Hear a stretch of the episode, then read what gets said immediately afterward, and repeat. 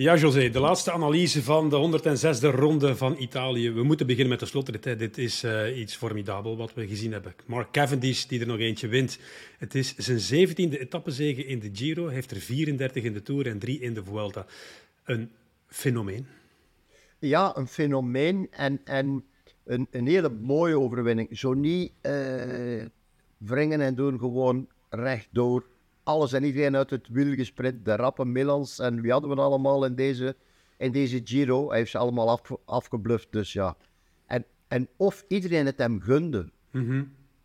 Ik denk dat je bijna moet stoppen met koersen of zeggen dat je gaat stoppen en dat ze dan op een of andere manier, ja, dan krijg je sympathie in het peloton. Maar dit was echt wel fantastische manier waarop ja. Als je wint, heb je vrienden. Hij heeft heel veel gewonnen in zijn carrière, dus heeft heel veel vrienden. En dan zie je de oude makkers die uh, een handje komen toesteken. Zelfs de nummer twee van deze Giro, Grant Thomas, die een streepje trekt om hem uh, in een ideale positie te brengen. En misschien wel het mooiste beeld van deze ronde van Italië, de omhelzing na de finish met Thomas en het kusje op de wang.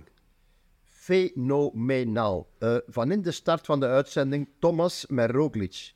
In, mm -hmm. in een gesprek dat minuten, minuten duurde waar Thomas zo echt heel te verliezen, maar zo heel relaxed. Mhm. en, en ik heb dat zelden gezien, zelden gezien. Meestal als, als de tweede man dan toch pas in de laatste dag tweede wordt, dan, dan zit er toch ergens zoiets, ja, ik ben verloren.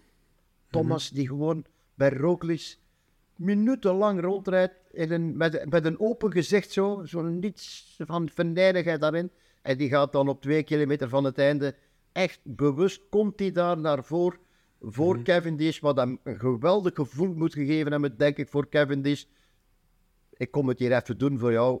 Ja, fenomenaal. Echt, uh, hoe moet ik dat zeggen? Uh, sportmanship, echt. Ja. Gentlemans onder mm -hmm. elkaar. Fenomenaal. Mooi, mooi, mooi. Dat is... Ik moet eerlijk zeggen dat we meer en meer de wielrennerij daar naartoe gaan. Vroeger zagen we dat nooit zo. Het was altijd haat en nijd en, en van alles en nog wat. En nu, volwassen sportmannen die elkaar mm -hmm. de winst gunnen, als het niet ja. anders kan. Ja, je, je bent er uh, een stukje door geëmotioneerd zelfs, zie ik. Ik had het ook wel gisteren hoor. Zijn reactie na de etappe gisteren, de tijdrit, waarin hij beseft, ik verlies hier die ronde van Italië, die was zo groot. Uh, niet alleen direct na de etappe, waar hij alle ploegenmans van Roglic ook gaat feliciteren, maar s'avonds nog eens een bericht op Twitter waarvan je denkt van, ja man, hoe groot kun je zijn als sportman?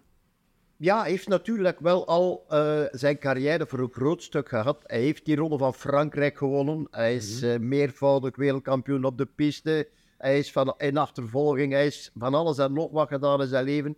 Uh, heeft zijn carrière gemaakt, maar dan nog, dan nog zo, zo, daar, zo volwassen, zo eervol daarmee omgaan. Ik vind dat, echt, dat vind ik echt het, het mooiste aan het moderne wielrennen.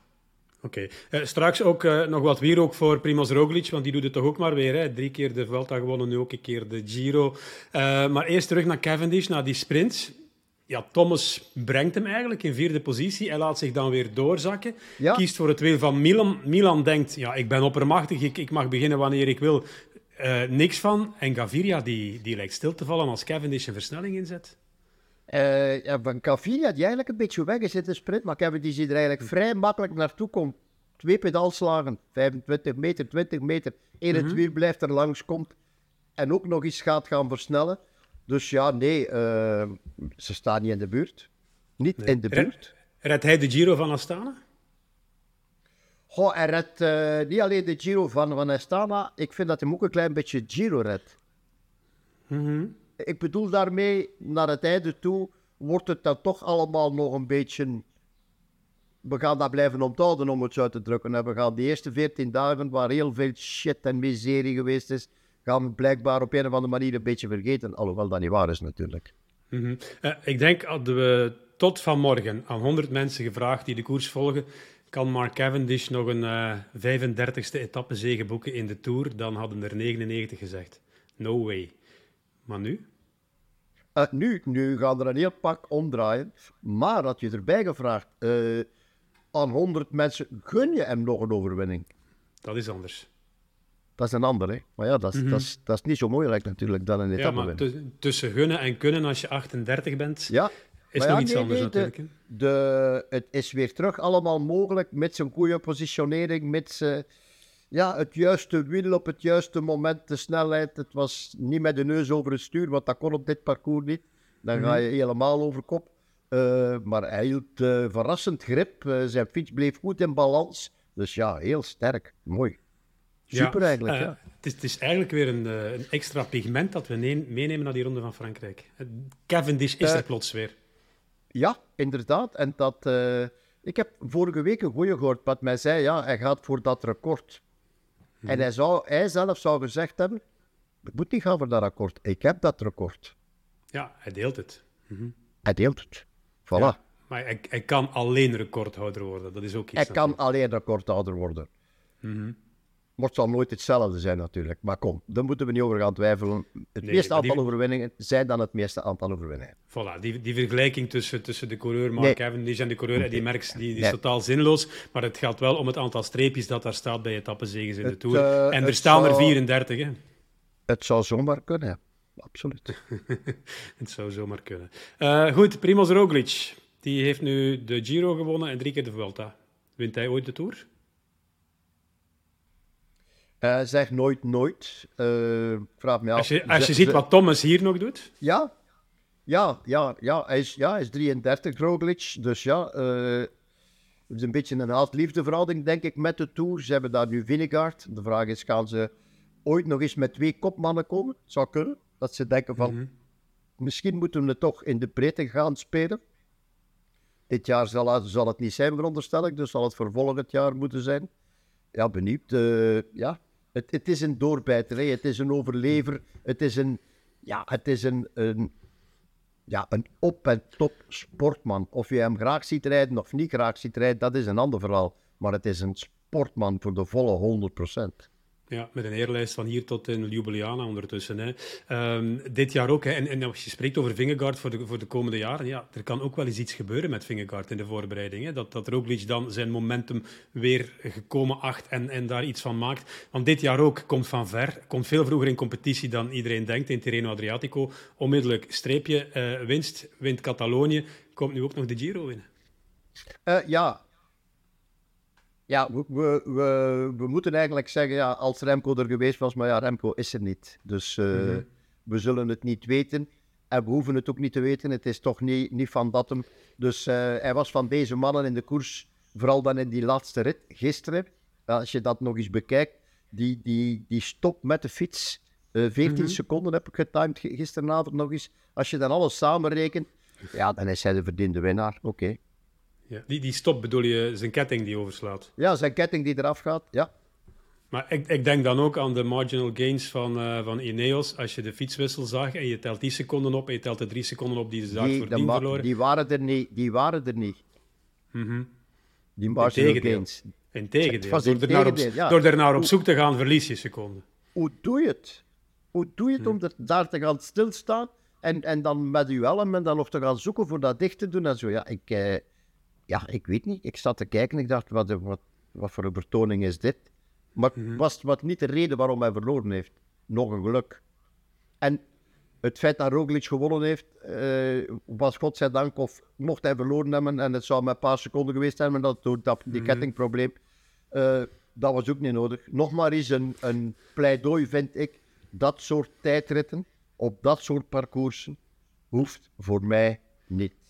Mm uh, andere vraag, José. Uh, als je één naam van een coureur moet noemen in deze Giro, die je vooraf nauwelijks kende, maar die ontzettend veel indruk heeft gemaakt, wie is die?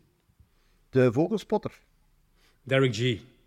Ja, die, die, rijdt, die, rijdt, een geweldige ronde van Italië. Die, die blijft maar gaan, uh, mist nog etappes die hij had moeten winnen. Misschien, mm want dat is makkelijker gezegd. Hè. Eh, hij had moeten, moeten winnen. Uh, maar, is uh, blijkbaar onuitputtelijk. 25 jaar, doet het op een manier die uh, een beetje atypisch is op dit moment. Hè, want meestal zien we ze al vroeger aankomen. Maar ja, dit is ja, een paar mooie nieuwe namen gezien. En Milan, die hadden we al een paar keer zien sprinten in Hongarije en andere ritten. G komt er nu bij. ja, ja onze man van UAE, Heli, uh, die op het einde wel echt helemaal uitgevrongen mhm. is. Die citroen is echt leeg, denk ik, op dit moment. Die moeten ze terug laten bijtanken. Van, uh, van EF, hè? EF Education. Ja, Ja. Dus ja, wij, wij, hebben nu, ja, we hebben hier wel wat mooie, mooie namen gezien, ja. Mhm. Eh, oké, de Giro van de Belgen moeten we nog bekijken. Hè. We hebben negen dagen Remco Evenepoel gehad. Hij wint twee tijdritten en neemt afscheid in de roze trui met uh, COVID-19. En dan hebben we nog twee mannen die tiende en twaalfde worden, ondanks werken. Ja, en ik, vind, ik vind vooral de plus vind ik super. Mhm. Ik bedoel, als je weet van waar die jongen komt, heel veel op weg naar een geweldige carrière, mhm. dan uiteindelijk de grote stap gezet naar Team Sky de, de sky was the limit, om het zo uit te drukken. Uh, dan, ja, dan komt hem in de problemen terecht. Hebben ze wel heel veel tijd en energie ingestoken om die aan boord te houden. En hem op tijd te geven om terug te mhm. komen. En nu is hij helemaal terug. Nu is ja. hij helemaal terug. En dat moet, uh, ja, dat moet een geweldig gevoel geven.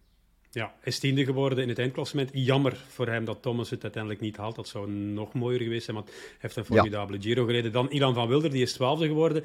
Die heeft ook negen dagen zijn eigen koers niet gereden natuurlijk. Uh, nee, die heeft een, uh, te begin al vertrokken met een andere mindset natuurlijk. Hè. Je gaat knechten voor Remco, je bent daarmee bezig. Het gaat een dagje minder, het gaat een dagje beter. Zelf is op een counter gelopen van een minuut of vier. Uh, daar maar al bij al denk ik voor hem een hele goede leerschool, dit nu. Draagt hij mee naar uh, de rest van zijn, ja, dat hoeft niet de rest van zijn carrière te zijn, maar naar de volgende jaren, dagen in de contractbesprekingen. Niet van direct, ja, ik ga kopman worden.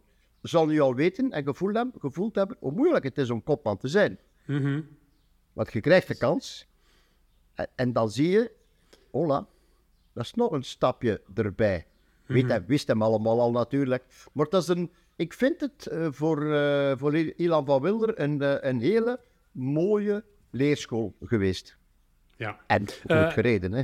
José, onze tijd is op. Ik moet je nog één ding vragen. Ik heb de vraag aan Renato ook gesteld. Hè. Een cijfer op 10 voor deze editie van de Ronde van Italië. Door de laatste twee dagen een, een 7. Ach, ik dacht een 6,5. Maar je brengt er nog wat positiviteit in. Ja, Cavendish, uh, Roglic, respect. Mm uh, en nog meer, nog eigenlijk nog meer respect voor hetgeen Thomas ons geleerd heeft en gezien heeft. Al dat, die supporters eh, van verschillende voetbalploegen of andere dingen, die kunnen daar misschien eens iets leren van. Jongens, het is maar sport en toch is het iets geweldig dus. Maar laat ons alles een klein beetje relativeren.